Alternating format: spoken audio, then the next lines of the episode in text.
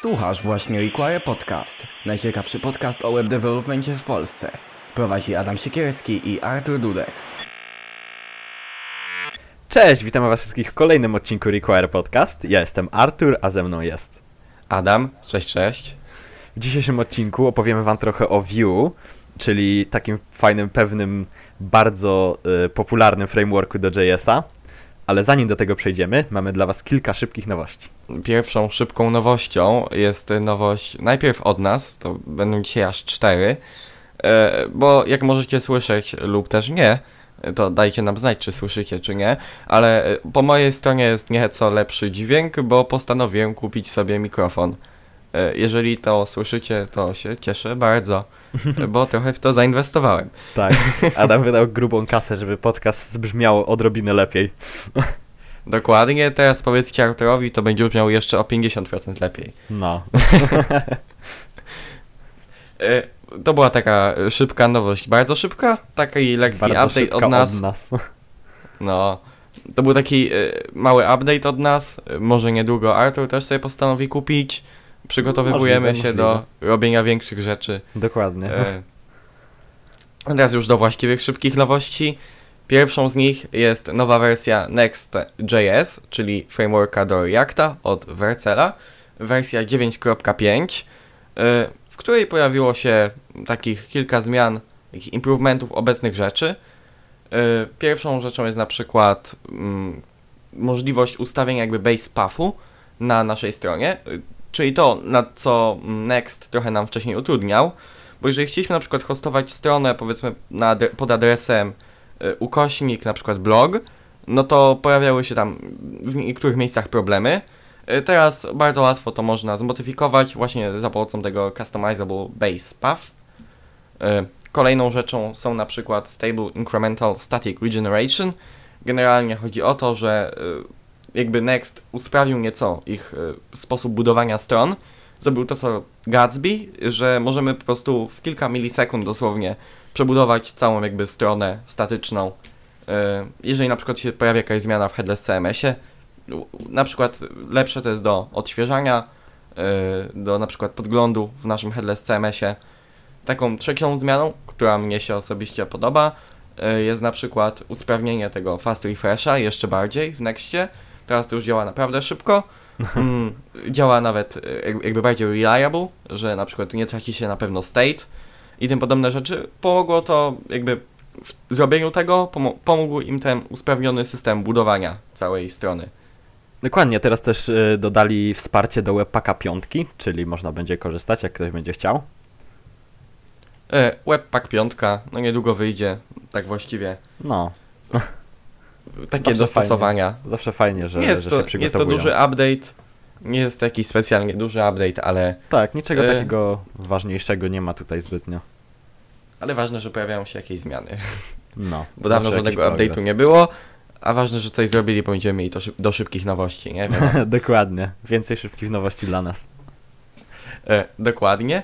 Kolejną nowością jest Node w wersji 14.8, w której to e, taką chyba największą zmianą jest już jakby takie pełne wsparcie dla top level await, czyli jeżeli chcemy sobie skorzystać w jakby w głównym miejscu w kodzie, jakby w tym głównym kontekście z awaita, no to wcześniej musieliśmy korzystać od wersji 14.3 ze specjalnej flagi.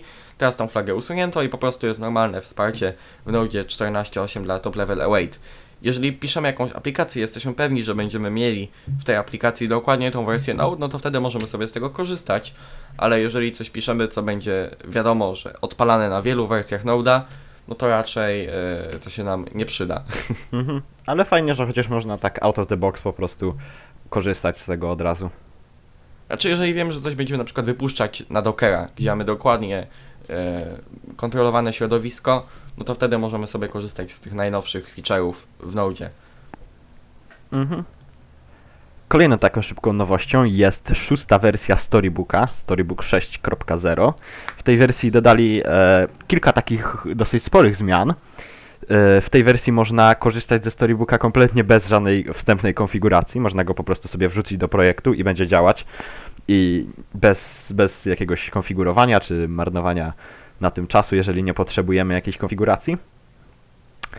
E, dodali też e, takie na żywo e, edytowanie komponentów, czyli musimy wchodzić w kody i tak naprawdę tam zmieniać czegoś. Tylko możemy sobie modyfikować propsy jakby na żywo i patrzeć jak to zmienia. Dokładnie. Ogólnie no to jest przydatne właśnie takiego testowania wizualnego w storybooku, nie? Jakby do tego to służy, albo też robienia dokumentacji. Ktoś może sobie po prostu testować propsy, jak różnie działają. Tak, tak jak po prostu korzystanie z DevTools przy robieniu zwykłej strony, nie? Mhm, dokładnie. W tym update'cie można także sobie mieszać różne storybooki, czyli jakby e, dodawać jakieś części innego storybooka do, do, do innego. Przydaje się to przy większych projektach, Dokładnie. mamy wiele części, na przykład przy mikrofrontendach, gdzie mamy mm, jakby całą stronę złożoną z wielu tak naprawdę małych podstron, małych jakby małych stron. E, no i wtedy możemy sobie to łatwo mieszać za pomocą storybooka. E, Warto sobie w ogóle zajrzeć w to narzędzie, jak to działa, o co chodzi. E, Mhm. I możecie sobie to ogarnąć, jeżeli chcecie na przykład robić jakieś biblioteki komponentów do własnego użytku. No zamiast pisać własną jakąś dokumentację, po prostu wrzucacie te komponenty do storybooka, on to wszystko ładnie zaprezentuje. E, Bardzo fajne narzędzie, polecamy. Można sobie tak to ogarnąć po prostu na szybko, bo jest bardzo proste i przydatne. Require poleca. Require approved, storybook. Tak, i w tej wersji usprawnili też e, dokumentację. E, No, to też. Dokładnie. A Czyli nawet ją. piszecie dokumentację, a oni usprawniają dokumentację do pisania waszej dokumentacji. No nie? dokładnie. Do dokumentację do samego w sobie storybooka usprawnili. Czy nawet e, napisali od początku, bo jest napisane overhaul, więc nie wiadomo. Prawie byśmy zapomnieli jeszcze o tym wam powiedzieć, ale teraz mi się przypomniało, y, że Require ma również swoją aplikację. Jeżeli chcecie ją pobrać na telefony, to y, jest ona już w fazie beta. Wejdźcie na stronę app.podcast.gq i pobierzcie ją na swoje urządzenia mobilne. Niedługo Dokładnie. również pojawi się w sklepie Play. Jak na razie jest Może. tylko APK i można sobie słuchać, bardzo przyjemnie jest generalnie, można sobie słuchać e, podcastu, można sobie korzystać z tego właśnie ekranu zablokowania, e, tych wszystkich kontrolek. Można, dokładnie. W tle mm, jest archiwum, integracja z archiwum, więc już w trakcie słuchania możecie sobie zaglądać w archiwum e, Require tych odcinków. Tak, dokładnie, Możecie w sobie linki. patrzeć notatki odcinków, w linki i od razu sobie ogarniać taki e, zupełnie nowy experience ze słuchania tego podcastu. Tak, więc jeśli komuś się nudzi korzystanie ze Spotify czy coś, to zapraszamy do naszej apki. Zgadza się. I jeszcze taki, takie małe nasze plany są, by zrobić na przykład system komentarzy na stronie właśnie w tej aplikacji, żeby można było pisać komentarze jeszcze. Więc y, stay tuned. Y, aplikacja jak na razie jest w wersji beta. Jeżeli tam naprawię niedługo trochę, y, trochę rzeczy, no to już wejdzie pełnoprawna wersja 1.0 i wtedy również ona powinna się pojawić w sklepie Play. Dokładnie. Więc y, polecamy Mamy czekać. wielkie plany na to, jak na razie.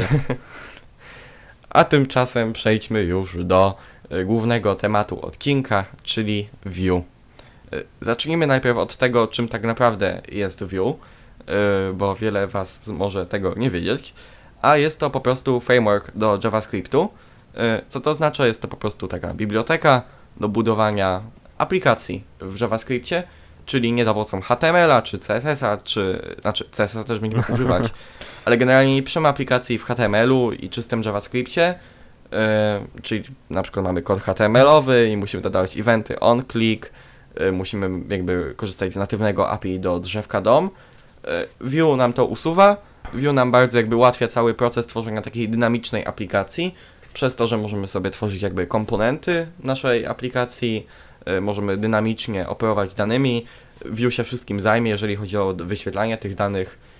Yy, Generalnie po prostu warto korzystać z takiego frameworka. Jest on uznawany jako alternatywa do y, Reacta, do React.jsa. Y, i aktualnie jest jego największym chyba konkurentem, bo Angular już trochę odszedł w zapomnienie. Dokładnie, to są chyba takie dwa największe tuż obok siebie. Reactive View. Tak. Potem jeszcze Svelte chyba, ale to kiedy indziej. Bo też mamy w planach stworzenie takiego odcinka właśnie porównującego te wszystkie frameworki.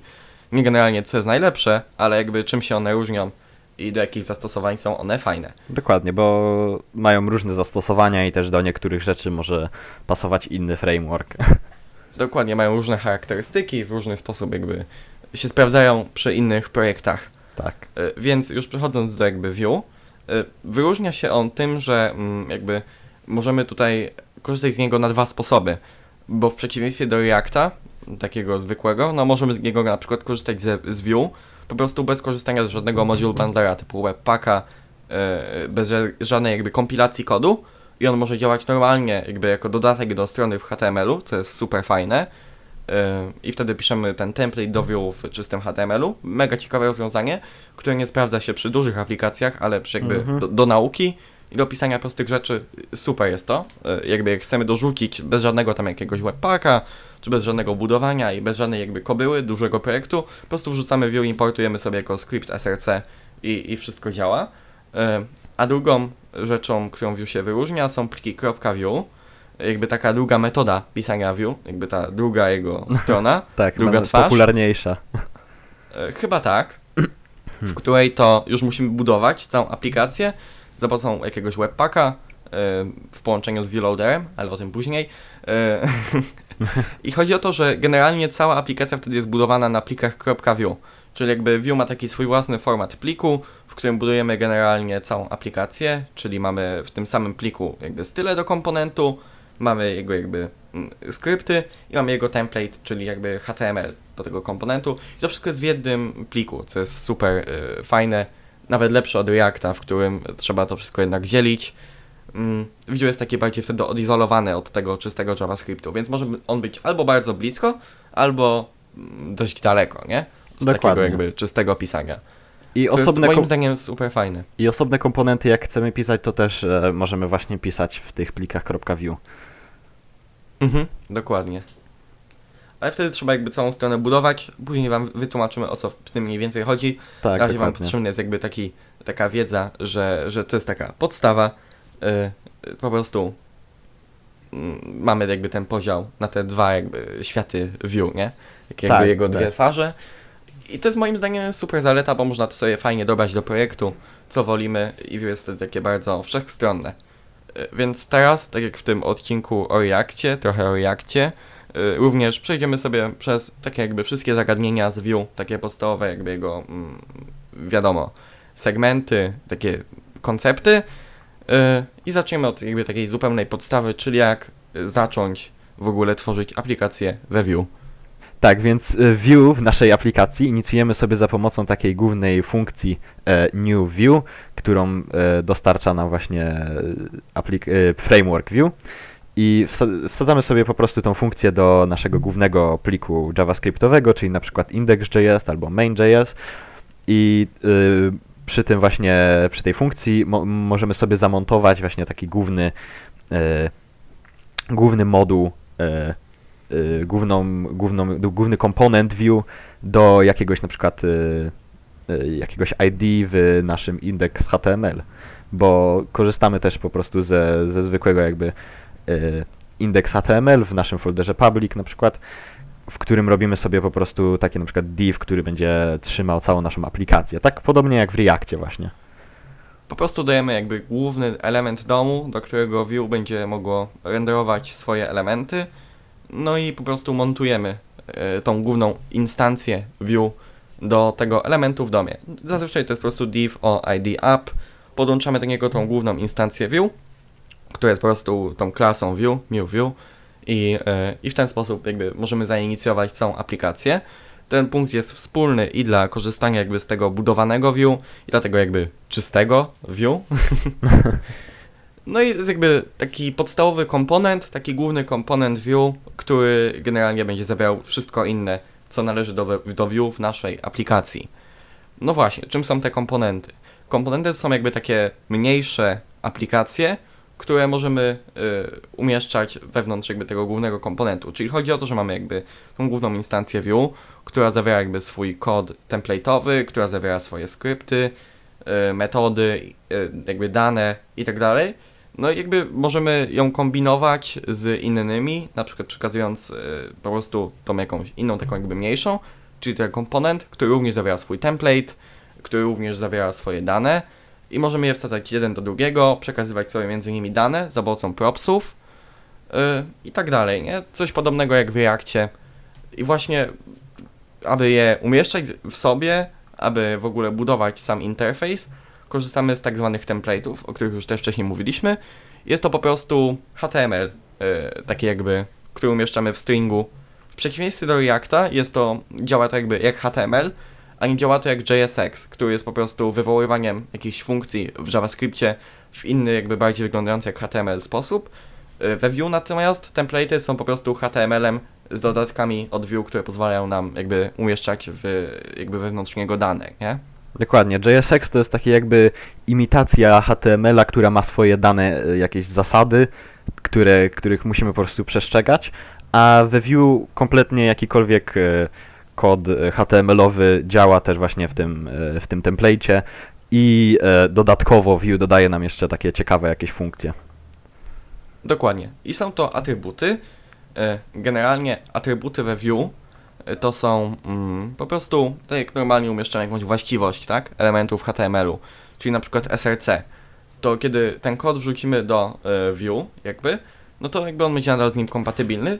Jakby to, co Vue dorzuca do tych elementów, to są właśnie swoje atrybuty, o których powiemy na wam nieco, nieco później, bo jakby na razie byście nie zrozumieli, o co chodzi jakby z, z tym jakby konceptem tych atrybutów. Więc na razie jakby musicie wiedzieć, że on dorzuca jakieś swoje rzeczy, które pozwalają nam właśnie ingerować y, w tą dynamikę tych komponentów razem z Vue.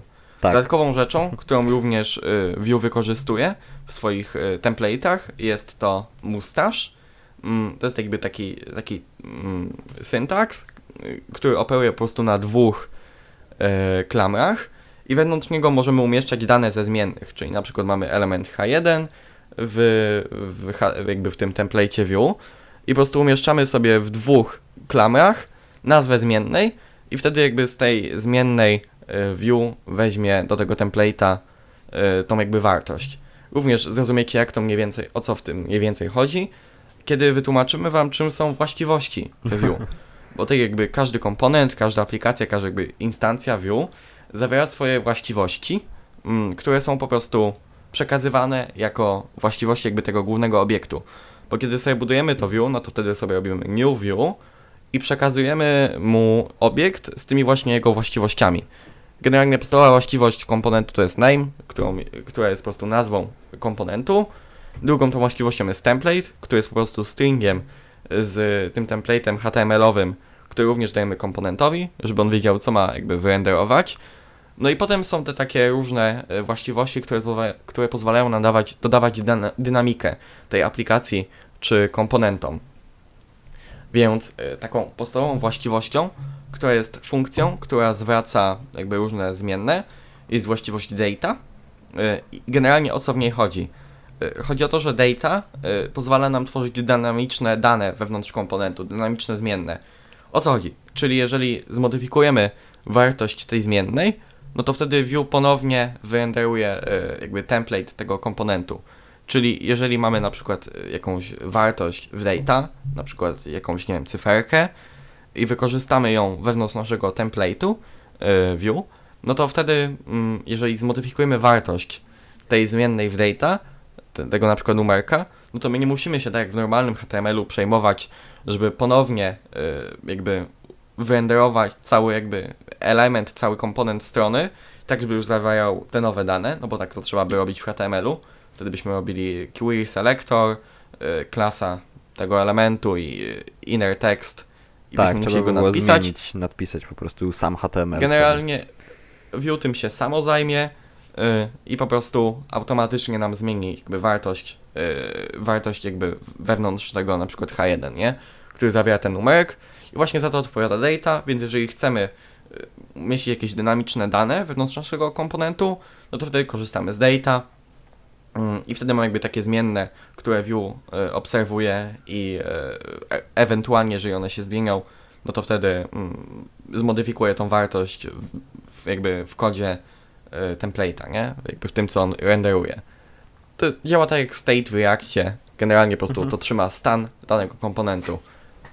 Nie jest to skomplikowane, to jest po prostu funkcja, która zwraca obiekt z tymi wszystkimi zmiennymi, nie? Tak, po prostu możemy sobie jakiekolwiek dane przechowywać i, i nie martwić się o to, że będziemy musieli odświeżać stronę, żeby one się wyświetlały. Generalnie, jeżeli nie rozumiecie czegoś z tego, co tutaj wam y, mówimy, to możecie sobie zatrzymać i wejść w dokumentację Vue, nie? To jest taki jakby odcinek bardziej do słuchania aktywnego razem z czytaniem dokumentacji, że Tak, tutaj macie dokładnie. dokumentację, widzicie jak to rzeczywiście wygląda w kodzie, a my wam po prostu to objaśniamy, nie? To jest taka ciekawa e, może metoda słuchania tych odcinków. Więc na pewno w, w archiwum będzie link do dokumentacji na temat każdej rzeczy, o której wam mówimy, nie? Czyli teraz jakby jest data, to zamieścimy wam link do dokumentacji z data. Tak, bo generalnie Vue sam w sobie jest taki bardzo prosty. Jeżeli na to spojrzycie od takiej praktycznej strony i, i obejrzycie sobie po prostu jak ten kod wygląda, to to jest bardzo proste. Po prostu niektóre rzeczy są trochę trudniejsze do wytłumaczenia, bo nie są to takie zbytnio standardowe rzeczy, które da się tak No, łatwo jakby wytłumaczyć. Ciężko, dość trudno jest to wytłumaczyć słowami, ale jeżeli zobaczycie kod, no to Tak, jest to e, po to prostu bardzo proste. łatwiej. No taki bierzemy na siebie challenge, próbując wytłumaczyć coś technicznego na podcaście, nie? Dokładnie. Ale myślimy, że będzie całkiem zrozumiale. No i myślimy, Kolejną- że chociaż zainspirujemy kogoś, żeby się nauczył kolejnego frameworka. Dokładnie. Więc kolejną taką właściwością komponentu review będzie właściwość props. Generalnie chodzi o to, że jeżeli chcemy mieć jakby ten komponent, tak? I umieszczamy go w template'cie innego komponentu, tudzież aplikacji, no to może byśmy chcieli mu przekazać jakieś dodatkowe dane. O co mi chodzi? Na przykład mamy komponent, który odpowiada e, za wyświetlanie jakiegoś headera na stronie, albo komponent, który odpowiada za jakieś, nie wiem, ładne wyświetlanie jakiejś daty czy coś, nie? No to wtedy musimy, żeby on był używalny, musimy mu tą datę przekazać z jego, jego komponentu rodzica, nie? Czyli na przykład mamy element listy, no i y, możemy się iterować na przykład przez tablicę, renderując po, po, po kolei kolejne jakby elementy listy. Mm, No to wtedy musimy mu przekazać na przykład tytuł, tak? Y, jaki on ma wyświetlić w, w sobie. No i właśnie za, do tego przekazywania danych w template'cie, czyli na przykład tak ma obrazek img src, no to tak samo możemy sobie zrobić customową właściwość do danego komponentu, no to właśnie definiujemy te właściwości w props. Czyli to jest obiekt, który zawiera jakby nazwę danej właściwości, y, jakąś na przykład podstawową wartość tej właściwości. Czyli powiedzmy mamy mm, jakiś nasz customowy obrazek, albo jakiś awatar użytkownika, y, jakiś komponent tego awatara. Na przykład sobie mamy, stworzymy sobie komponent awatar, no i on przyjmuje właściwość, nie wiem, username. I on wtedy sobie pobierze y, awatar dla tego użytkownika. I po prostu przekazujemy ten username, tak jak normalnie byśmy przekazywali na przykład src w, w template'cie tego komponentu, jakby jego rodzica, który ten, w którym ten jakby komponent awatara się zawiera. Dokładnie. Dzia- Działa to generalnie podobnie tak jak e, propsy w Reactie, czyli po prostu prze przekazujemy jakiś atrybut do jakiegoś e, na przykład e, elementu w HTML-u i, i on może go odebrać. Dokładnie. O to chodzi. tak, tak w wielkim skrócie o to chodzi.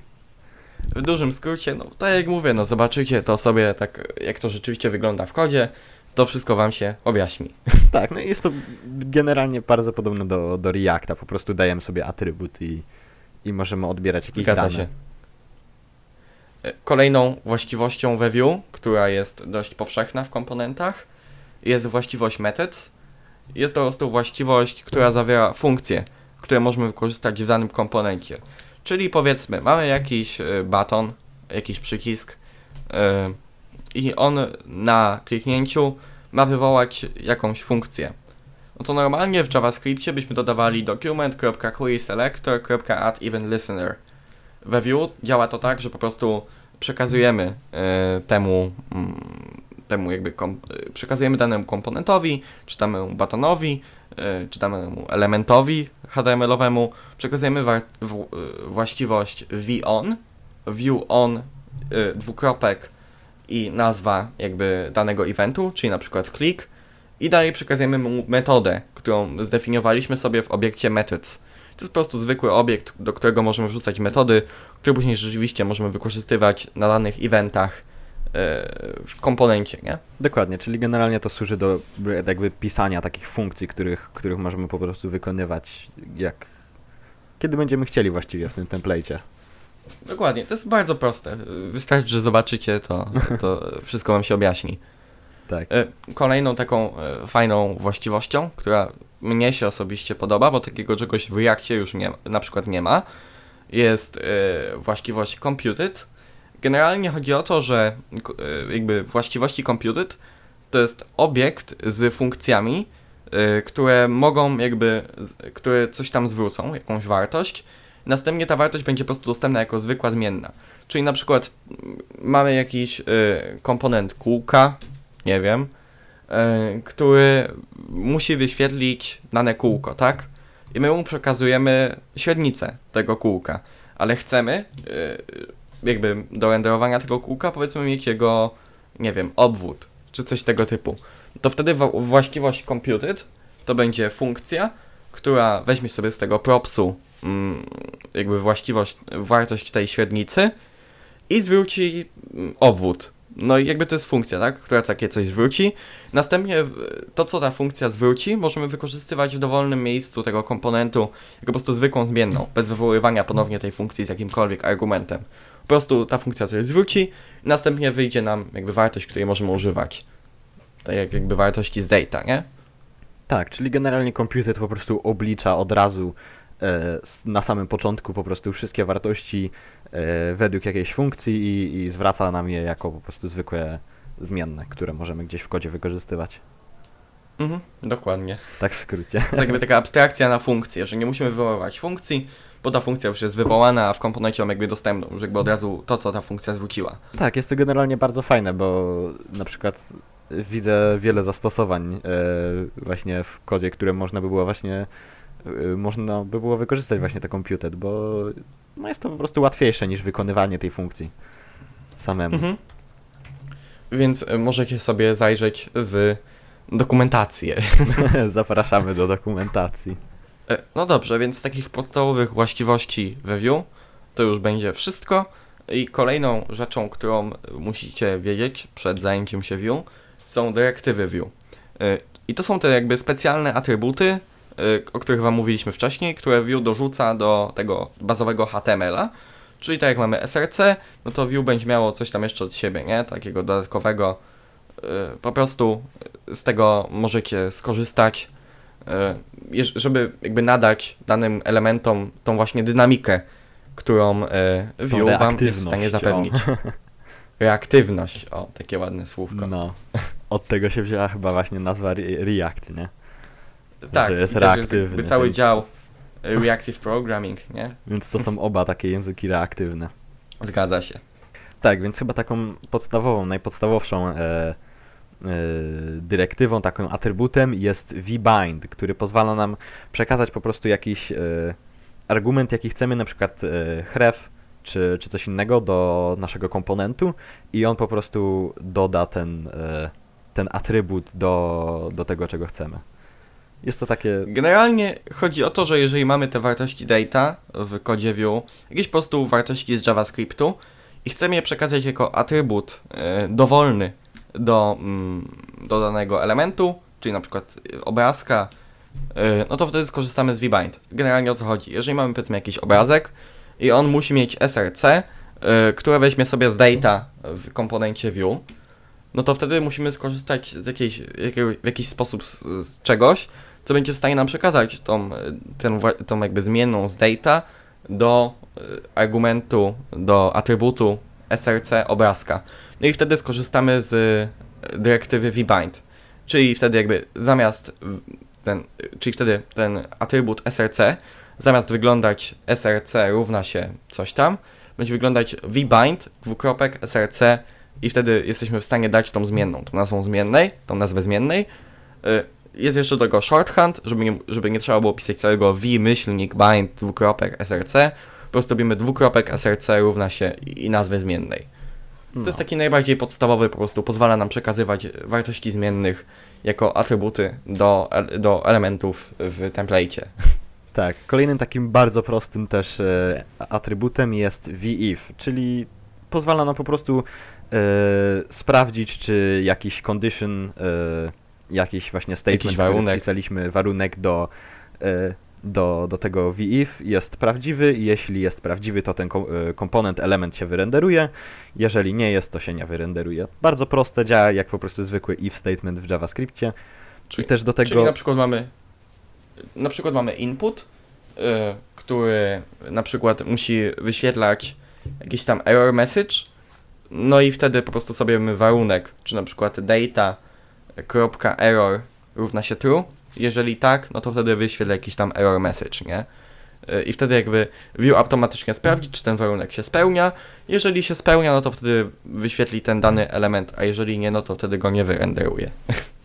Tak, dokładnie. I też w parze z tym VIF wchodzą dwa inne atrybuty, czyli VIF else albo VElse, czyli potrafi nam e, po prostu e, e, tak, tak samo jak w, w zwykłym if statement w JavaScriptie, jeżeli warunek będzie jakiś inny, to można, można zrobić co innego. Dokładnie. Jest to bardzo Czyli proste, przykład- działa to po prostu jak, jak zwykły if statement, tylko że w atrybutach. Zgadza się. Mhm. Czyli na przykład, jeżeli dany warunek jest spełniony, to wtedy pokaż ten komponent, a jeżeli nie jest spełniony, to pokaż ten komponent, tudzież element. Bardzo proste. Dokładnie, a jeżeli nie jest spełniony, ale spełniony jest inny, to wyrenderuj ten komponent na przykład. Dokładnie. Kolejny też takim bardzo podstawowym, wszystkie chyba te atrybuty są takie podstawowe i łatwe w, rozumie- w zrozumieniu. Takim kolejnym atrybutem jest VON, czyli po prostu pozwala nam nasłuchiwać na jakieś eventy, na przykład onClick, czy, czy jakiś onHover, nie wiem, cokolwiek właściwie. No, zgadza się. Y, Już tym, o tym powiedziałem, tak? Czyli dajemy jakby atrybut do na przykład y, batona, y, on dwukropek click i przekazujemy do niego na przykład jakąś metodę, którą sobie zdefiniowaliśmy w methods. Dokładnie, tutaj właśnie Bardzo te metody proste. można wykorzystywać. Dodatkowo, jeżeli mamy jakiś komponent, y, to możemy sobie w jego środku jego kodu umieścić y, takie coś jak y, y, i wtedy pozwalamy, i wtedy możemy sobie tworzyć customowe eventy, które będzie w stanie odebrać komponent rodzic, czyli ten komponent, w którym ten komponent, y, który jakby ten komponent, w którego środku jest komponent, który jakby emituje dany event. Bardzo proste do zrozumienia, wystarczy sobie zajrzeć w dokumentację. Bardzo proste Damy do wam zrozumienia. Ja naprawdę nie jest łatwo tak to tłumaczyć. Tak, prosto, wygląda to o wiele prościej. bez niż... pokazywania kodu. Tak. Bo kod jest jakby, jest, jest jakby bardzo, bardzo simple. Bardzo prosty jest ten framework i dlatego mi się to podoba. No, to jest super. Jakby dokładnie, bardzo jakby wysoko wynosi jakby ten poziom abstrakcji, dzięki czemu cały proces pisania kodu jest super prosty. Mhm. Wystarczy sobie w to zajrzeć. Generalnie ten, ten odcinek ma tak was trochę namówić do, do, do, do spróbowania Vue, bo jest naprawdę świetne. Tak. E, No cóż, no. Chyba ten cały podcast jest ogólnie do zachęcania Takim ludzi. wprowadzeniem. Tak, naprawdę, na pewno. Więc y, my wydajemy wam taki, taki jakby ogląd na to, co Vue jest w stanie za was zrobić i wy sobie zaglądacie w dokumentację i sprawdzacie, czy to rzeczywiście y, wam się tak, tak podoba i wtedy z tego możecie korzystać. Tak. Bo z, z takich podstaw Vue to jest tak naprawdę wszystko. Potem wszystko to jest, y, potem reszta to jest y, tak naprawdę wasza inwencja i tam jakieś biblioteki dodatkowe. A generalnie te podstawowe koncepty Vue to rzeczywiście jest tylko ten template, same właściwości oraz dyrektywy. I to Dokładnie. wszystko co jest jakby wam potrzebne do budowania aplikacji we Vue. Bo później rzeczywiście mamy te, y, te jakby to co wam tłumaczyliśmy, to jesteście w stanie zrobić i w jednym i w drugim, nie? Bo później możecie operować rzeczywiście na tych plikach .vue, czyli e, tym takim jakby bardziej zaawansowanym view. No i wtedy w ich środku możecie również dodawać style do danych komponentów, co jest też fajne. E, I żeby to zrobić, musicie skorzystać z takiego jak Vue CLI, e, czyli e, oficjalnego jakby command line interface do tworzenia aplikacji we Vue. I wtedy on wam dostarcza od razu cały config e, do budowania tej strony, czyli on automatycznie wam jakby zbuduje tą stronę. Będziecie mieli e, development server do tego, możecie łatwo to potem wydeployować. Dokładnie. Również możecie sobie dodawać do tego jakieś style typu SAS, SCSS, bo wtedy jakby możemy już operować na tych plikach .vue, w których środku możemy rzeczywiście dodawać te style, możemy je sobie kompilować przez post CSS-a, przez SAS-a, przez SCSS-a i tak dalej, i tak dalej. Chyba y, tłumaczyliśmy trochę o co chodzi z tymi, y, z tymi preprocesorami do CSS-a w trzecim odcinku, Mhm. CSS tooling, ale chyba nie będzie wam was tam odsyłać. Dokładnie. Vue CLI jest taki bardzo podobny do Gatsby CLI, jeśli ktoś kiedyś pracował z Gatsby. Jest to po prostu takie narzędzie do na przykład tworzenia nowych projektów i, i do, do jakby dodaje nam kilka narzędzi takich do właśnie robienia, Dokładnie. e, pisania kodu. Ono pod spodem korzysta z Webpacka i z ViewLoadera, czyli customowego loadera do webpacka, e, które stworzyło Vue, do właśnie ładowania tych komponentów, tych plików .vue. Jeżeli ktoś się kiedyś bawił w webpacka, no to będzie, was to, to będzie dla Was to po prostu e, familiar, będzie dla Was proste. Więc jeżeli nie chcecie korzystać z Vue CLI, tylko własny config, web, config webpacka, to wtedy Vue Loader możecie sobie e, zajrzeć, o co w tym chodzi. No. Potem jeszcze mm, z takich kolejnych rzeczy, które Wam rekomendujemy sobie ogarnąć, jak już poznacie te podstawy, jest na przykład Vue Router, y, który jest oficjalnie jakby routerem do Vue. Y, czyli jeżeli mamy jakąś aplikację single page application, ale chcemy do niej dodać kilka ścieżek, no to wtedy ustawiamy sobie Vue Router i możemy, to jest po prostu taki zwykły router, tak? Tak, Czyli działa to jak różne jak ścieżki każdy na stronie, router po prostu. ale bez jakby robienia wielu plików HTML i wielu aplikacji, tylko wtedy wszystko się znajduje jakby w jednym mm, pliku, w jednym, w jednym jakby pliku HTML, tak? Nie tworzymy jakby kilku małych aplikacji, bo generalnie y, wszystko się rozchodzi o to, że cała jakby strona opiera się na jednym pliku HTML, jednym pliku JavaScript, czy tam wielu plikach JavaScript, ale jakby wszystko działa jako jedna instancja i Vue Router jakby sam operuje, nie? Sam jakby on, sam tworzy te ścieżki, sam je sczytuje z, z paska adresu w przeglądarce. No, dokładnie, czyli po prostu możemy sobie zrobić taką e, stronę, która wydaje się jakbyśmy, jakby się nic nie działo, jak klikamy sobie na przykład na jakieś e, e, punkty w menu na przykład, ale jakby sama w sobie same w sobie rzeczy na stronie się zmieniają na przykład. I, i też e, adres. Tak, ale jakby na nie, pasku się my nie przekierowywujemy, nie? Jakby wtedy strona się nie przekierowywuje, Tak, jakby nic się nie ładuje nie widać ponownie. Jest to ładowania, duże... nie widać odświeżania. Podobnie tak jak w Gatsby właściwie. Mhm. E, Kolejną rzeczą, którą również e, warto ogarnąć jest Vuex, czyli globalny store, czyli tak jak mieliśmy jakby data, no to to działa na poziomie danego komponentu. A jeżeli chcemy trzymać jakieś dane globalnie w aplikacji, no to wtedy korzystamy z Vuexa i wtedy jakby to jest takie globalne data, nie? Czyli możemy sobie modyfikować jakąś wartość w tym globalnym storze i potem w dowolnym miejscu w kodzie z niej skorzystać.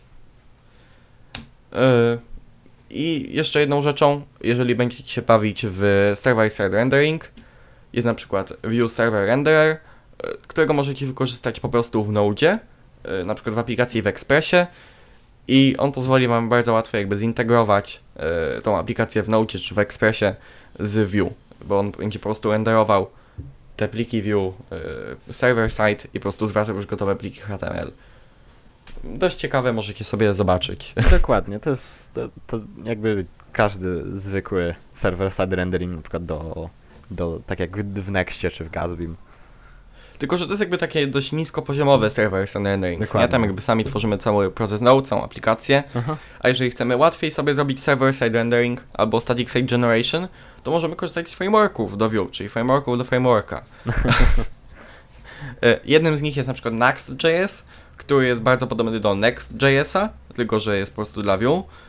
Daje on nam łatwą integrację z dowolnym jakby serwerem typu Express czy, czy cokolwiek. No i właśnie pozwala nam korzystać z headless CMS-ów i tak dalej. Takie jakby to jest dość prostsze. No podobnie tak jak Next.js, praktycznie to samo, tylko że we Vue. Tak, i podobnie jak E. Next.js też umożliwia nam opcję właśnie statycznego generowania stron SSG. Czyli jakby można robić i, i to, i to. I server-side rendering, i też statyczne generowanie. Dokładnie. Natomiast typowo do statycznego generowania jest Gridsom, który jest tak naprawdę Gatsby dla Vue. Tak, Gatsby dla Vue. To jest na pierwszy jakby rzut oka nawet widać, bo ta strona jest bardzo podobna do starej Również strony korzysta z- Gatsby. Tak, również korzysta z GraphQL pod spodem, tak jak Gatsby. Yy, pozwala nam łatwo korzystać z headless CMS-ów, yy, z plików Markdown, z dosłownie czegokolwiek. Przetwarza te dane i generuje statyczne strony bazując na Vue. Jeżeli chcecie nieco zgłębić jakby temat yy, headless CMS, jakby statyczny, statycznego generowania stron, generowania stron statycznych, to yy, odsyłamy Was do odcinka o Gatsby.jsie, odcinka 12. Dokładnie. trochę Tam tam jest opowiedziane właśnie o tym. Tym bardziej, jeżeli ogarniacie Reacta. Tak, dokładnie, bo tu jest wiele takich podobieństw. No i myślę, że to już e, na dzisiaj wszystko z Vue. Tak krótko podsumowując, e, Vue to jest po prostu framework do JavaScriptu. E, Możemy korzystać sobie z template'ów, by budować tą aplikację.